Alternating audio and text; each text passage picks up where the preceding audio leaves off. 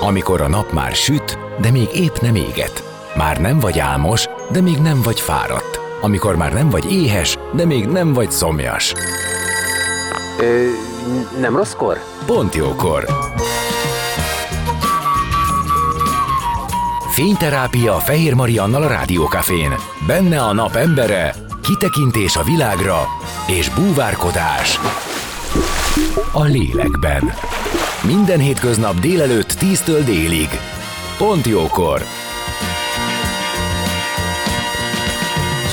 Szép napot mindenkinek, már is folytatódik a Pont Jókor, és ebben az órában a koraszülöttekről, korababákról fogunk beszélgetni. November 17-e van az a koraszülöttek világnapja, és vendégem lesz Földvári Nagy Zsuzsa, a Koraszülöttekért Országos Egyesület elnöke, akinek nyilván beszélünk egy kicsit a saját történetéről is, hiszen annak idején a saját korababája miatt gondolta azt, hogy létrehoz egy szervezetet, amely a későbbiekben segít azokon a nőkön és családokon, akik ebbe a helyzetbe kerültek, és országszerte jelen vannak, úgyhogy nagyon sok mindent, gyakorlati tanácsot, meg természetesen elméleti tanácsot és pszichés segítséget is tudnak nyújtani. Zene után már is kezdünk, maradjatok ti is.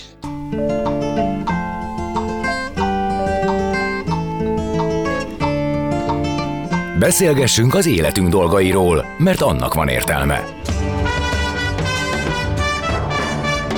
Színház, zene, életstílus, kitekintés a világra és búvárkodás. A lélekben. Pont jókor. Fehér Mariannal a Rádiókafén.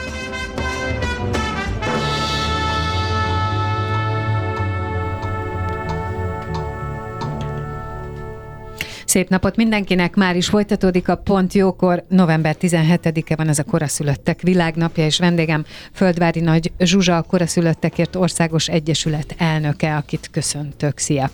Szia, és üdvözlöm a hallgatókat!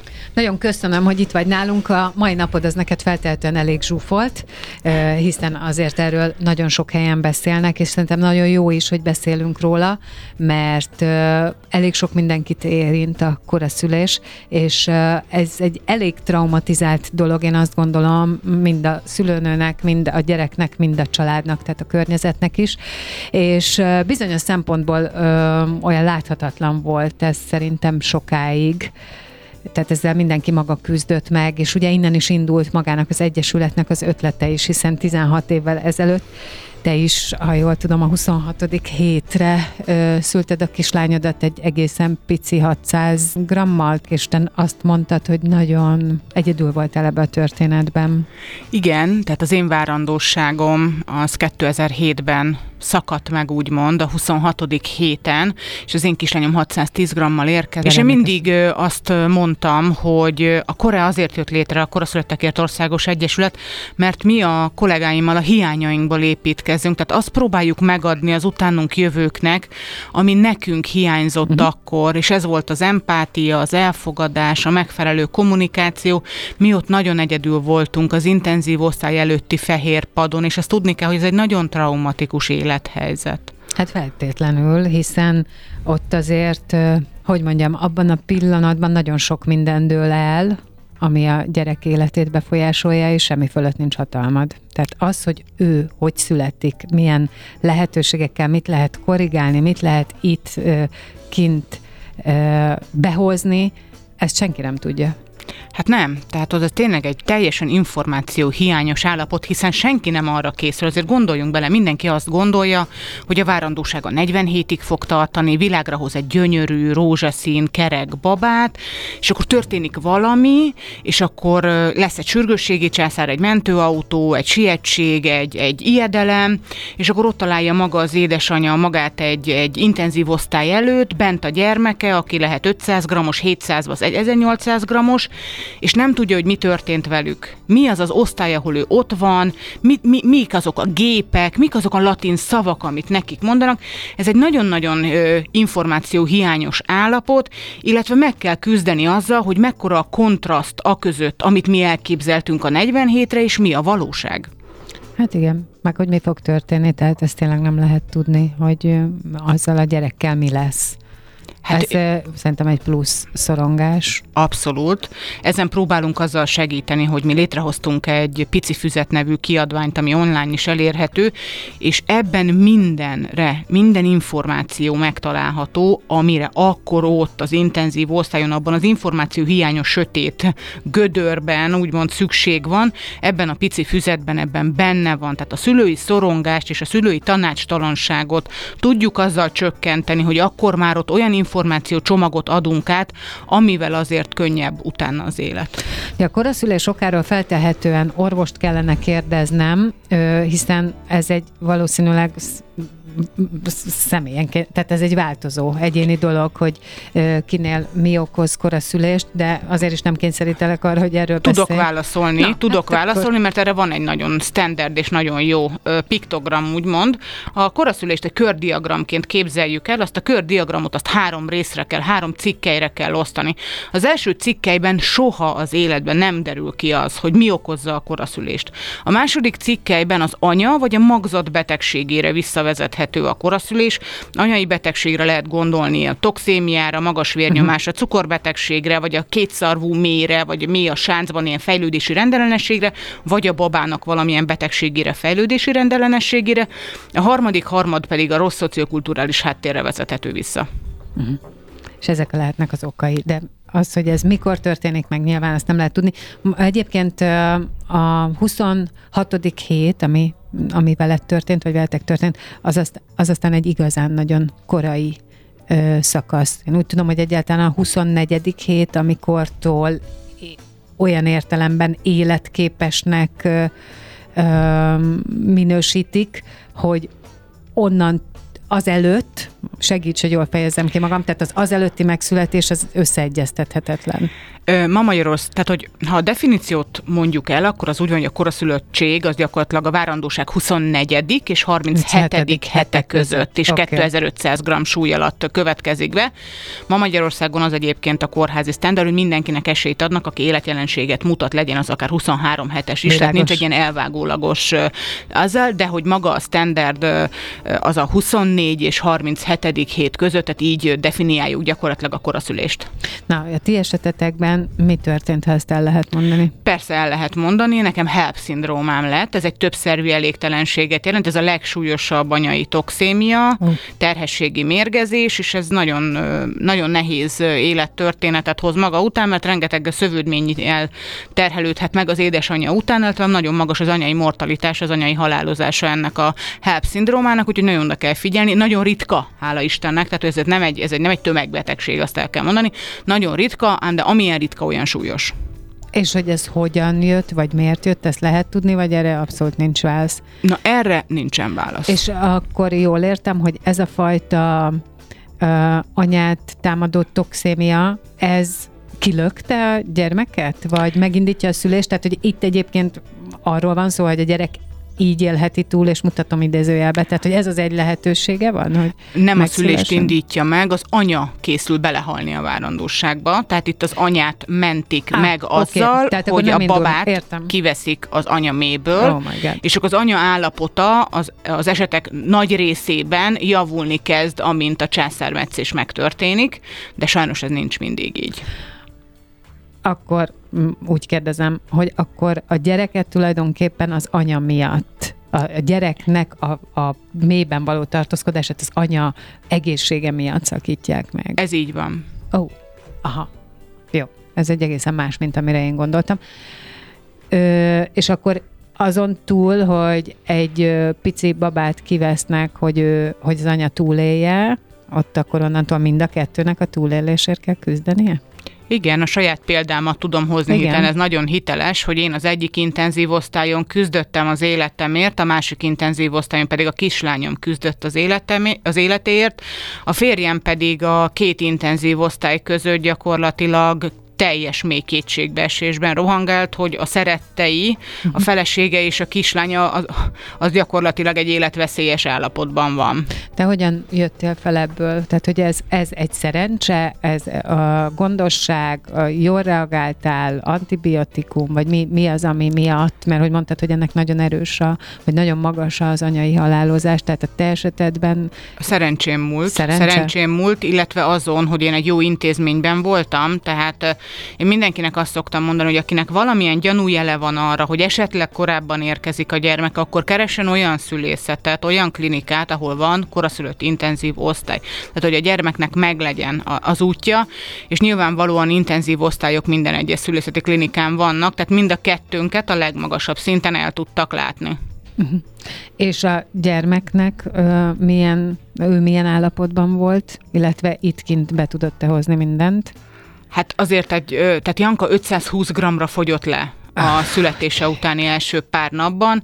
Hát nyilvánvalóan nekünk az első két hétben nem nagyon tudtak mondani semmit, tehát hiszen mit Igen. lehet mondani egy 520 grammos gyereknél? Hát nagyon semmit, hogy minden nap ajándék, amit, amit megélünk, és nem is néztünk nagyon távolabb, hanem akkoriban csak azok mindig azt a napot, amit éppen túléltünk, aztán elkezdtek ezek a napok telni, elkezdtek a hetek telni, majd a hónapok telni, és gyakorlatilag három és fél hónap után 2380 grammal ö, vittük haza a Jankát, Janka ma 16 éves, egy informatikai középiskolában tanul, ő teljesen jól van, a diszkalkuliás, hát na, mm, okay. pont, oké, okay, ezzel teljesen jól is vagyunk. Öm, mi nagyon szerencsések vagyunk, és én megfogadtam a Janka inkubátora mellett, hogyha Janka jól lesz, akkor én ennek fogom szentelni az életemet. Mm. És amikor te erőre kaptál, akkor hogyan kezdtél el ezen dolgozni, hogy létrejöjjön ez az egyesület? Elkezdtél sorstársakat keresni? Már ott az intenzív osztály előtt a fehér padon már elkezdtem a sorstársak felé nyújtani a kezem, illetve ők is felém, és aztán egy internetes fórumon kapaszkodtunk össze többen, mm hiszen az országban számos helyen szóródtunk szét, és ott kezdtünk el dolgozni azon, először egy blogoldallal, majd 2008-ban hoztuk létre Magyarország első koraszülés témájú honlapját, a koraszülött.com-ot, ami azóta is az egyik legolvasottabb ilyen témájú, koraszülésben érintett családok által működtetett oldal hova mindenki feltöltheti, vagy elmondhatja az ő tapasztalatát, vagy segítheti azzal a tartalmat, hogy... Abszolút. Tap- mert hogy, hogy ugye ez a tapasztalat is egyénenként változó, ki hogy éli meg, tehát hogy biztosan hát vannak fizikai dolgok, amikben lehet segíteni egységesen, ezeknek a babáknak a táplálása teljesen más, a, a mindene, azért mondom, hogy mi is érintettek vagyunk ö, ö, családilag, ö, emlékszem én arra, hogy hogy még a pelenkázás is teljesen más, teljesen más, hogy kell hozzányúlni, székletet produkálni, és így tovább. Tehát, hogy annyi minden volt, hogy valami elképesztő. De az, hogy lelkileg valaki hogyan megy végig ezen a folyamaton, mennyi idő alatt, az biztos, hogy nagyon szubjektív, és sokat segíthet, hogyha az ember találkozik a az érzéseivel, vagy azok az érzésekkel, amik hasonlítanak az övéhez, mert szerintem sokszor van, hogy ki sem meri mondani az ember, hogy mit gondol erről. Mi azért szőttük ezt a védőhálót, ezt a lila védőhálót, hogy legyen hova beleesni. Uh-huh. Tehát azok, akik ebben a történetben érintettekké válnak, most már soha nincsenek egyedül, mert Ez mi ott fontos. vagyunk, egy sorstársi közösség, egy nagyon komoly sorstársi közösségét, a, a social médiában meg lehet találni, mi ott vagyunk mindenki mellett, és lehet hozzánk csatlakozni, és mi meghallgatjuk, és hogyha segítséget igényelnek, akkor ezeket a segítségeket akár lelkileg meg is tudjuk adni. Jó, menjünk rá ezeknek egy részére. Ugye alapvetően, ahogy mondtad, te is óriás trauma, mert bekövetkezik a szülés, akkor, amikor az ember még nem számít rá, amikor nem gondolná, hogy itt van az ideje. Nyilván a fejlődés sincsen még lezárva, és nincs is felkészülve rá a, a, az anyuka. De rögtön a következő trauma az, hogy nem lehet együtt a babával.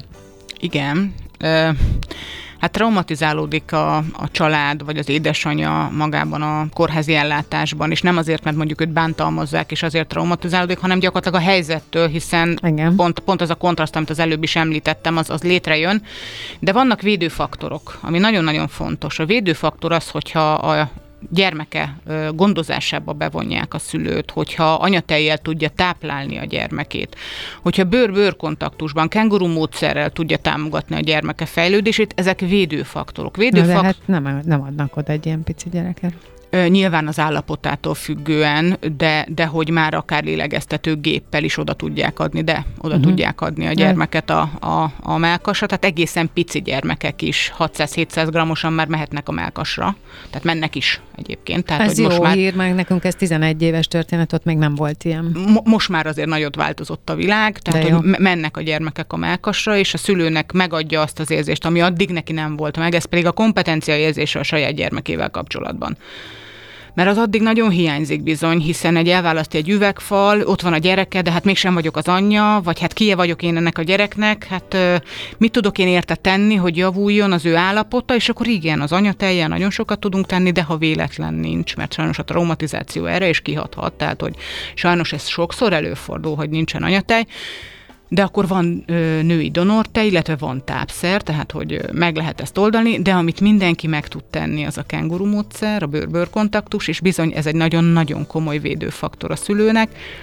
illetőleg hát az, hogyha ha tényleg egy szuper kommunikációval látják el őket, illetve a, a család, a család is egy óriási védőháló, egy óriási segítség, illetve a sorstás közösség. Én azt gondolom, ezek a mi tapasztalataink, hogy ezeken a koraszülött osztályot, osztályon szuperintenzíven, tehát nagyon uh-huh. felkészült és elkötelezett emberek voltak a mi esetünkben, és bízom benne, hogy vannak is. Tehát, hogy itt azért tényleg a leges legkisebbek élete van a kezükbe, és ők ezt kellőképpen komolyan is veszik. De ugyanakkor azt szerintem nagyon fontos, hogy van egy ilyen külső segítség, eh, mert ott a gyerekért, tehát a babáért tudnak megtenni mindent kapacitásban, az anyukát meg esetleg instruálják. Ilyen értemben erre én is emlékszem, hogy az én testvérem mennyire elveszett volt abba, hogy mo- most hol van, meg nem is látta ugye szinte a születés után, mert már elfutottak vele, és egyébként igen, ez a, ez a padon, a kint a fehér padon ülés, most, hogy mondtad, még sose gondoltam rá, de hát mi is így voltunk egy, egy, egy, egy ilyen viharos nyári hajnalon, hogy ott tücsörögtünk kint azon a padon, és azt találgattuk, hogy most akkor mi fog történni. És egyáltalán nem volt részünk a bepójált kis dundus csecsemőben való gyönyörködésben, hanem csak láttuk, hogy elszaladnak vele, és ez nagyon-nagyon nehéz helyzet volt mindenkinek. Viszont amit én akkor tapasztaltam, és erre most rákérdeznék, hogy most hogy van, hogy bár igen, nagyon gondos ellátás, meg segítség, de hát valahogy azt érzékelem, nem csak ebben az esetben, hanem minden esetben, amikor valakinek nehézsége van, akkor neki minden drágább. Tehát, hogy egészen furcsán működünk. Tehát én emlékszem, hogy mi másnap az édesapámmal elmentünk a, nem tudom, melszívót beszerezni, és akkor kiderült, hogy egy normál állapot anyához, vagy anyának ez ennyibe és ennyibe kerül, és mondtuk, hogy de koraszülött, meg nincs, és mondták, hogy ja, akkor az 50 ezres. Mm. Tehát, hogy akkor oda komolyabb gép kell, ekkora a baj? Ja, hát ez drágább lesz. A félváros bejártuk, olyan icipici ruháért nem volt Ebben uh, tudunk segíteni már azóta. Akkor, de, de, de minden ilyen, tehát, hogy akkor most itt tudom én az anyukának milyen ez kell, az kell. Ja, akkor a szülött? Ó, nem, akkor nem, ja nem azt, akkor fáradjanak át oda. És akkor ez minden. És mondtam, hogy tényleg mindenkit, tehát akit rászorul, mert baj értem, minden csak drágább, jól értem? Nem az van, hogy ó, akkor próbáljuk már meg ezt megoldani és segíteni. Hát mi ezt olyan oldalról fogtuk De ez meg. Volt. Ez volt, ugye? Igen, ez, ez, ez abszolút elképzelhető. Ez, nekem ugye nem volt sajnos anyatájem semennyi, úgyhogy én így a messzívó történettel nem nagyon tudtam foglalkozni, mert hogy egyszerűen nem volt semmi. Mi ezt egyesületi oldalról úgy próbáljuk meg segíteni, hogy van nekünk egy olyan programunk, hogy korecsomag.hu, ahol 44-es mérettől kölcsönzünk a családoknak ruhákat, Tudod, 50-es. kerestem? Igen. Igen, és, és, és hogy ezzel megkönnyítjük az első három hónapra, mi biztosítjuk a ruhákat, mm. tehát mert hogy valóban nagyon drágák a 44-es ruhák. Hát ha van. Ha van egyáltalán, igen, de hogy nálunk ezt lehet, annyit kérünk összesen vissza, hogy, hogy küldjék vissza. Küldjék vissza. Küldjék persze, vissza, és hát akkor sterilizálás azért, után hát mehet hiszen, a következő. ha jól megy a dolog, akkor nem kell ezt olyan sokáig hordani. Igen. Meg nem igen. megy benne homokozni. Nem, nem, nem, nem. Tehát, hogy ezt, ezt lehet igen. akkor továbbadni. Abszolút, és... abszolút. Tehát ugye sterilizálás után mehet a következő családhoz, igen. és akkor ezt mi teljesen ingyen kölcsönözzük, illetve futára küldjük a családoknak. Uh-huh. Na, ez egy szuper dolog. És uh, akkor ezek szerint ebben ti tudtok. Tehát ilyen, ebben is, igen. Ezekben a, a ilyen fizika. Azért mondtam, hogy gyakorlati és lelki segítségek is uh, lesznek, vagy lesz róla szó, mert ezek óriás dolgok. Tehát azt nem gondolná az ember, de hogy ja, tehát kere, egész nap keresed, mész, és megpróbálod beszerezni, és nap közepére egy nagyon nagy kihívás, hogy mi nincs még annak a pici babának. Akár a, mondom, a kis pelenka, a legkisebb pelenka is óriás. Igen. Ez abszolút. Ez így van. Tehát, hogy, hogy nagyon nehéz logisztika, de mondjuk a sorstársi közösségnek az is az egyik ereje, hogy ezekben tanácsokat tudunk már adni egymásnak. Tehát akik becsatlakoznak uh-huh. a mhm. szülői csoportunkban, és felteszik azt a kérdést, hogy ez meg ez meg erre lenne szükségünk, és ezt meg ezt hol találjuk, akkor mindjárt kap 50 darab kommentet, ahol az anyák, akik már ezen túlmentek mondjuk egy hónappal, három hónappal, nyolc hónappal ezelőtt, azok simán leírják, hogy itt találod, itt találod, itt találod, és akkor már nem kell az egész várost körbejárni, hanem célzottan lehet menni azokra a helyekre, amire éppen szüksége van, és ez is a sorstársi közösségnek egyik nagy ereje, hogy az információk ott azonnal megvannak. Hát szerintem a legnagyobb ereje, meg hát az, hogy nem vagy, nem érzed azt, hogy egyedül vagy, hát ez óriás dolog. Ez Igen. egy nagyon magányos, szeparált érzés lehet. Na, Innen folytatjuk, zenélünk, és aztán jövünk vissza vendégemmel, Földvári Nagy Zsuzsával, a Koraszülöttekért Országos Egyesületének elnökével. Köszönöm szépen, hogy segítesz, de képzeld, megjegyeztem. Ez nagyon, nagyon nagy dolog, hogy nincs előttem, de megjegyeztem. Na, szóval zenélünk, és jövünk vissza.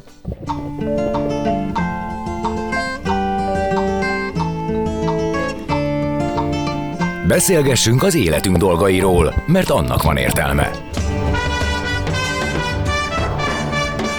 Színház, zene, életstílus, kitekintés a világra és búvárkodás. A lélekben. Pont jókor. Fehér Mariannal a Rádiókafén.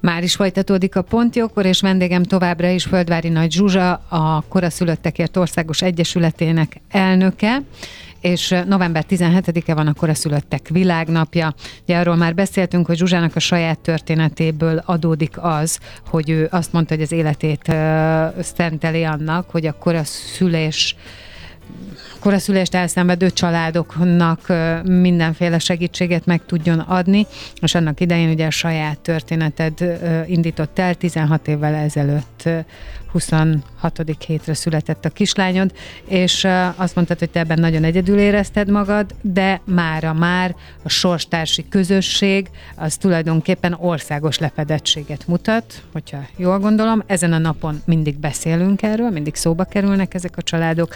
Az is, hogy mi az, ami a leges leginkább nehéz lehet ebbe, fizikailag, lelkileg traumatizálódik az anya, az apa, a család, mindenki, és én ki akarnék most ezekre a részekre is térni, csak egy-két a napot övező dologról, hiszen a lila a színe, akkor a szülött világnapnak, vagy ennek a, akkor a szülöttségnek, és ezen a napon épületek szoktak lilában pompázni. Sokáig, vagy legtöbbször a Lánchíd, de most gondolom, hogy most nem fog ez menni, mert hogy most építési terület. Építési területnek nyilvánított, igen. De ettől függetlenül lesz lila épületünk ma este. Igen, és nagyon-nagyon büszkén mondom, hogy sok lila épület lesz Budapesten és vidéken is. Budapesten a Millenáris, a Műpa, a BMQ épülete, a Duna Aréna, a Puskás Aréna, a Magyar Közútnak köszönhetően a Monostori híd, Győrben a Jedlikányos híd, az Aréna, a Városháza, Debrecenben a Víztorony, a Stadion, a Városháza, Szentesen a Megyeháza, Sopronban a Tűztorony, és akkor még tudnám folytatni, mert hogy napokban, vagy hát napokban jelentkeztek be, még mai napon is nagyon sokan fognak jelentkezni erre a felhívásunkra, ami arra, arról szólt, hogy lilítsuk be Magyarországot, legyen ma minden lila, lila nap, hiszen a lila a remény és az empátia színe, és mire van szüksége ezeknek a családoknak leginkább reményre és empátiára. Világos. És arra, hogy egyébként minél inkább legyen erről szó. Az jutott hirtelen eszembe, hogy például, ha valaki ugye kívülálló, de van a ö, közelében érintett család, és tud róla, hogy ez milyen nehézségeket hoz, akkor nyilván fel tudja ajánlani a segítségét. De amúgy szerinted mi az, amit a környezet tenni tud leginkább? A környezet az azt tudja tenni, hogy ítélkezésmentesen meghallgatja a koraszülésben érintett családokat. Ez nagyon-nagyon fontos. Mi most indítottunk egy programot, a Kérdez jól, segíts jól programot, Szedmák Franciska pszichológussal. A honlapunkon, illetve a social media oldalunkon meg lehet nézni, hogy pontosan milyen kérdések hangzanak el néha a családokban, ez mit okoz, illetve hogyan lehetne ezt jól kérdezni.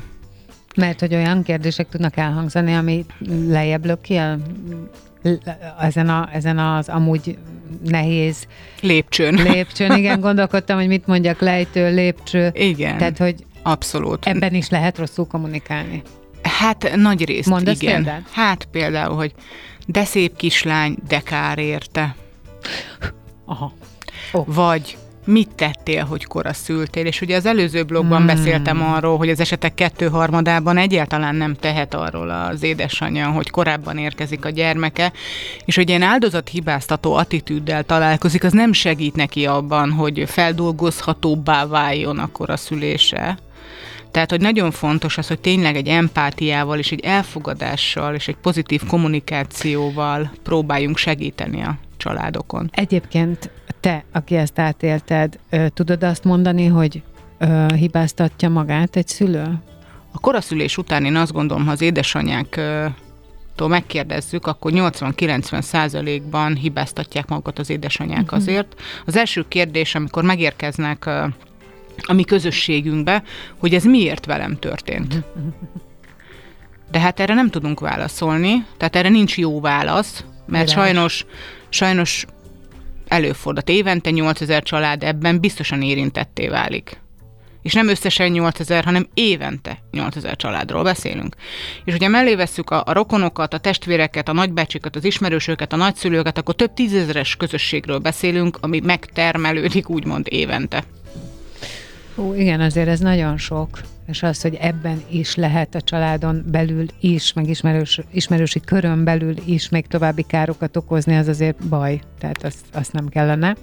De én azt is képzelem, hogy ez a szülőpárnak is egy óriás kihívás, mert hogy az apukák, akik pontosan ugyanúgy máshogy, sőt, egyébként szerintem nekik rosszabb, hiszen ők azok, akik kint ülnek, és kapják a híreket, még bent történnek a dolgok, tehát ez egy másik helyzet, másik dinamika, de hogy az apukák, akik aztán hazamennek egyedül, és folyamatosan azt várják, hogy mi történik, őróluk nem nagyon van szó, és egyrészt az egy fontos dolog, hogy ők hogyan becsatornázhatók ebbe, vagy ők azok, akiknek el kell ezt tűrni némán, és támogatni a feleségüket, miközben szerintem abszolút ott van a veszélye a távolodásnak is. Hát a traumatizáltság miatt egyébként, tehát nem másért.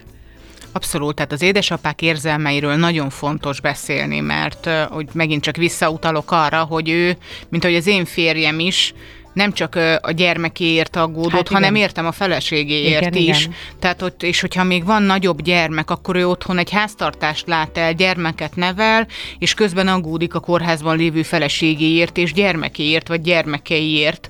Szóval ez egy nagyon-nagyon nehéz élethelyzet, és Egyébként az Egyesületünknek erre is van válasza, ugye hiszen mi Magyarországon először megalkottuk a padon Apa születik képzeletszínházi előadást, uh-huh. ahol azt mutatjuk be, hogy milyen érzelmei vannak, milyen érzései vannak a koraszülésben érintett édesapáknak mind mennek keresztül, hogyan ismerkednek meg egymással. Egyébként én ezt láttam, ezt a darabot, tavaly volt az ős bemutatója, ha jól gondolom. Igen, így van.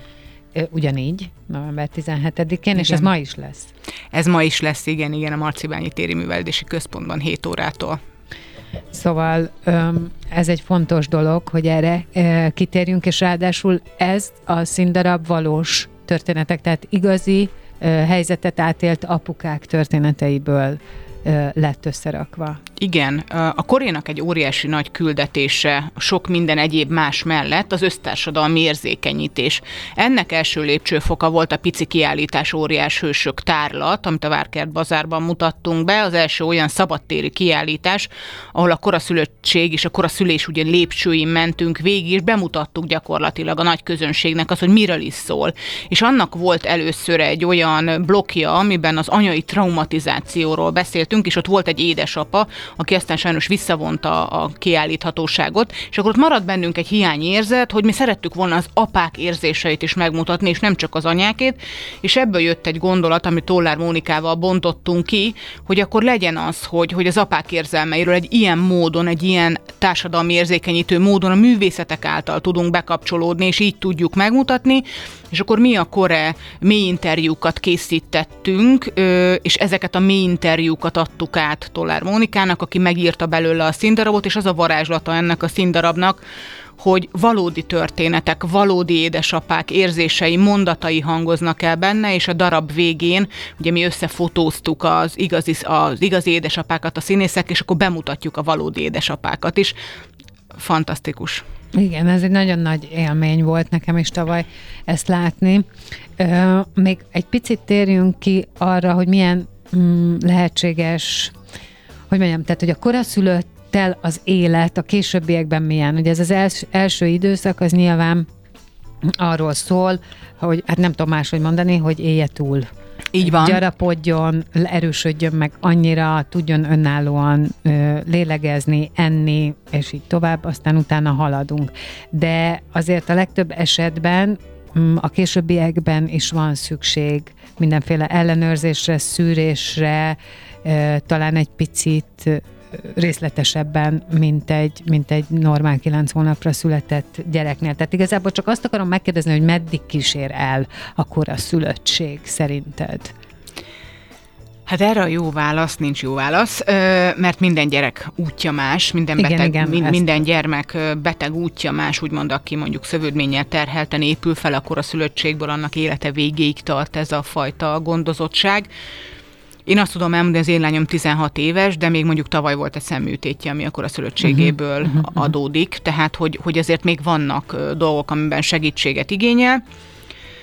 Nagyon-nagyon fontos azt elmondani, hogy egy nagyon nagy munka kezdődik akkor, mikor a koraszülött babával hazatérünk, hiszen ott egy menedzser szintű felvértezésre van szükségünk ahhoz, hogy összeszedjük azokat a fejlesztési módszereket, azokat az utakat, amivel megsegíteni tudjuk a koraszülésben érintett gyermekünknek az útját, azt, hogy ő minél hamarabb utolérje a kortársait. Tehát, hogy ez, ez, egy, ez egy munka, amire fel kell készülni, utána kell olvasni, és megint csak a sorstársi közösséget tudom elmondani, hiszen nagyon sok édesanyának nagyon komoly kérdései vannak ezzel kapcsolatban, merre, hogy, hogyan lehet elérni ezeket a fejlesztéseket, és itt bizonyos sorstársak nagyon komoly segítséget tudnak adni, amellett, hogy szakértőkkel is rendelkezünk, tehát nem csak sorstárs édesanyáktól lehet kérdezni, hanem a adott szakmai ö, emberektől is, akik ennek a szakértői gyakorlatilag. Érdekes kérdés, hogy a gyereknek a későbbiekben erről mit kell tudnia.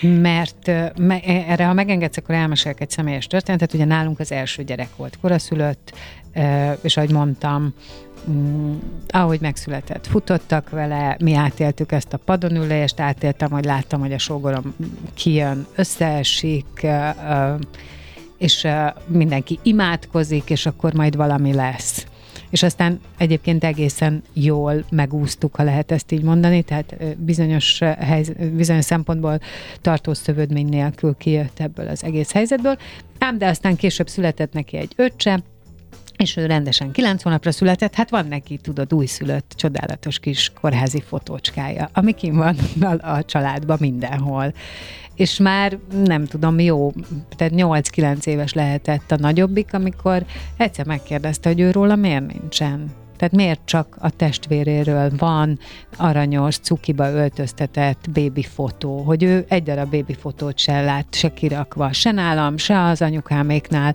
Ez hogy van? És akkor mondtam neki, hogy ó, hát hát azokat a fotókat azt nem, tehát rólad nem készült ilyen, hiszen tudott, te koraszülött volt, és akkor elmagyaráztuk neki, hogy azért ez a helyzet, ez mit jelent, de nagyon érdekes volt, hogy megjelent benne a hiányérzet a saját picikorának a viszontlátásáról. Én pedig Hát már amikor elég nagy volt, akkor meg tudtam neki mutatni, hogy kb. azt a képet, amit őriztem róla, az egy szemét letakart, kékfény alatti öm, kis kép, amin egy kicsi test van, egy nagy pelenkába, tehát körülbelül ezt tudtam saját magáról mutatni. És B, azt gondoltuk, hogy erről beszélni kell.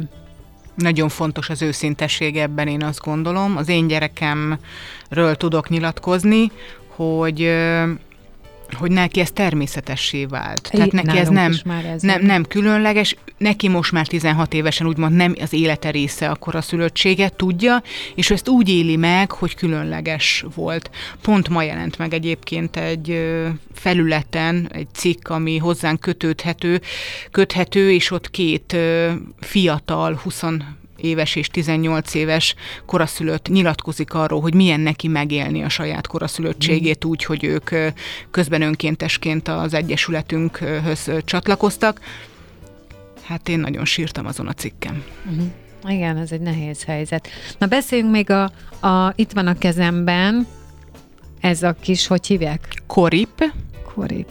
Olyan aranyos. Tehát ez egy kis horgolt. Így van. Polip. Így van amit, amit ti kitaláltatok. Nem mi találtuk ki, Akkor hanem... népszerűsítitek? úgy van, hogy Dániában találták ki a... Igen. Dániában találták ki a koripot. Damásdi Anna, az Egyesületünk alelnöke szerezte meg azt a licenszt, hogy Magyarországon mi ezt átdolgozhassuk, mert a Dán polip az teljesen másképp nézett ki, mi pedig neonatológusokkal, nővérekkel egy komoly, úgymond termékfejlesztést végeztünk a babák biztonsága érdekében, tehát speciális fonalból van, speciális tömőanyaggal, speciális a mérete, azért, hogy az inkubátorba kerülve teljes biztonsággal lehessen úgymond használni, és igen, bent van, mert hogy a babáknak tudni kell a koripról, az a története, hogy ugye a babáknak a méhen belül van egy fogóreflex, amivel leginkább a köldök zsinort fogják meg. Uh-huh. Ez a fogóreflex ez nem veszik el akkor, mikor ők az inkubátorba kerülnek, hanem elkezdik megfogni mondjuk az infúziós szereléket, uh-huh. vagy a lélegeztetőgépnek a szerelékeit. Igen ami Bekerül az in... készítette a saját orrából. Igen, igen, ez abszolút jellemző. Bekerül a korip, a koripnak a csápja spirálisan van horgolva, és köldögzsinórra emlékeztető fogásérzést biztosít. A baba megnyugszik akkor, ha megfoghatja a koripnak bármelyik csápját. És nem csak a babának fantasztikus érzés, hogy ott van mellette, hanem az édesanyának is, hiszen képzeljük el, hogy semmi olyan nagyon gyerekszerű nincs abban a szülött nem, intenzív kifejezetten, osztályban. Kifejezetten szívszaggató most, hogy beszéltem róla, ilyen nagyon nehéz érzéseim is lettek. Tehát az, hogy egy, az a kisgyerek ott fekszik egyedül, ez egy nagyon nehéz ügy. És nincs egyedül most már, mert ott van Ez vele a koripja. Jó. Igen, igen. És az édesanyák mindig azt fogalmazzák meg, hogy nekik azért segítség, mert hogyha ő nekik el kell menni, mert mondjuk vannak nagyobb gyermekeik, és nem tudnak 0-24-ben az intenzív osztályon lenni, akkor nem hagyják egyedül a gyermekeiket, hiszen a koripka ott van vele, és ő vigyáz rá, és ez egy nagyon, nagyon nagy jelképé vált, és én mindig nagyon meghatódom akkor, amikor olyan képeket látok, hogy hány szülőnek a karjára került fel tetoválásként a korip. Tényleg? Rengeteg fotóban, és rengeteg tetoválás van. Szülinapi tortákból több száz fotónk van, amin rajta van a korip, de tetoválásból is legalább olyan 70 fotónál tartunk, amit szülők küldenek számunkra. Akkor ezt tartják ők a legnagyobb segítségüknek feltehetően abban a pillanatban. Jelképpé vált. Igen. igen. Jelképpé vált. Igen. Hát én nagyon szépen köszönöm, hogy itt voltál, és hogy mindezekről ö, beszélhettünk. Van-e valami, ami benned maradt, amit azt gondolsz, hogy ezen a napon mindenképp el kell mondani? Én szerintem nagyjából mindent érintettünk. Aki szeretne még csatlakozni, hiszen a nap fele még hátra van, az öltözön lilába, hmm. készítsen egy képet, és küldje el nekünk a legyen lilakukac koraszülött.com e-mail címre, illetőleg a felsorolt épületeket nézzék meg, és gondoljanak szeretettel és empátiával a koraszülött koraszülős, a koraszülöttségben érintetteknek. És ha jól gondolom, akkor téged még ma itt-ott lehet hallani, hiszen így száguldozol reggel óta. Ez így van, én reggel óta úton vagyok, és különböző médiumokban beszélek arról, erről a nagyon fontos napról. Igen, meg erről, a ti küldetésetek, és azt ne felejtse senki, hogy tényleg a sorstárs közösségnek óriás ereje van. Ne kerüljen senki ilyen helyzetbe, de ha mégis, akkor van, Van segítség. Így van. Köszönöm szépen, hogy itt voltál, Földvári Nagy Zsuzsa. Köszönöm. Koraszülöttekért Országos Egyesületének elnöke volt a vendégem.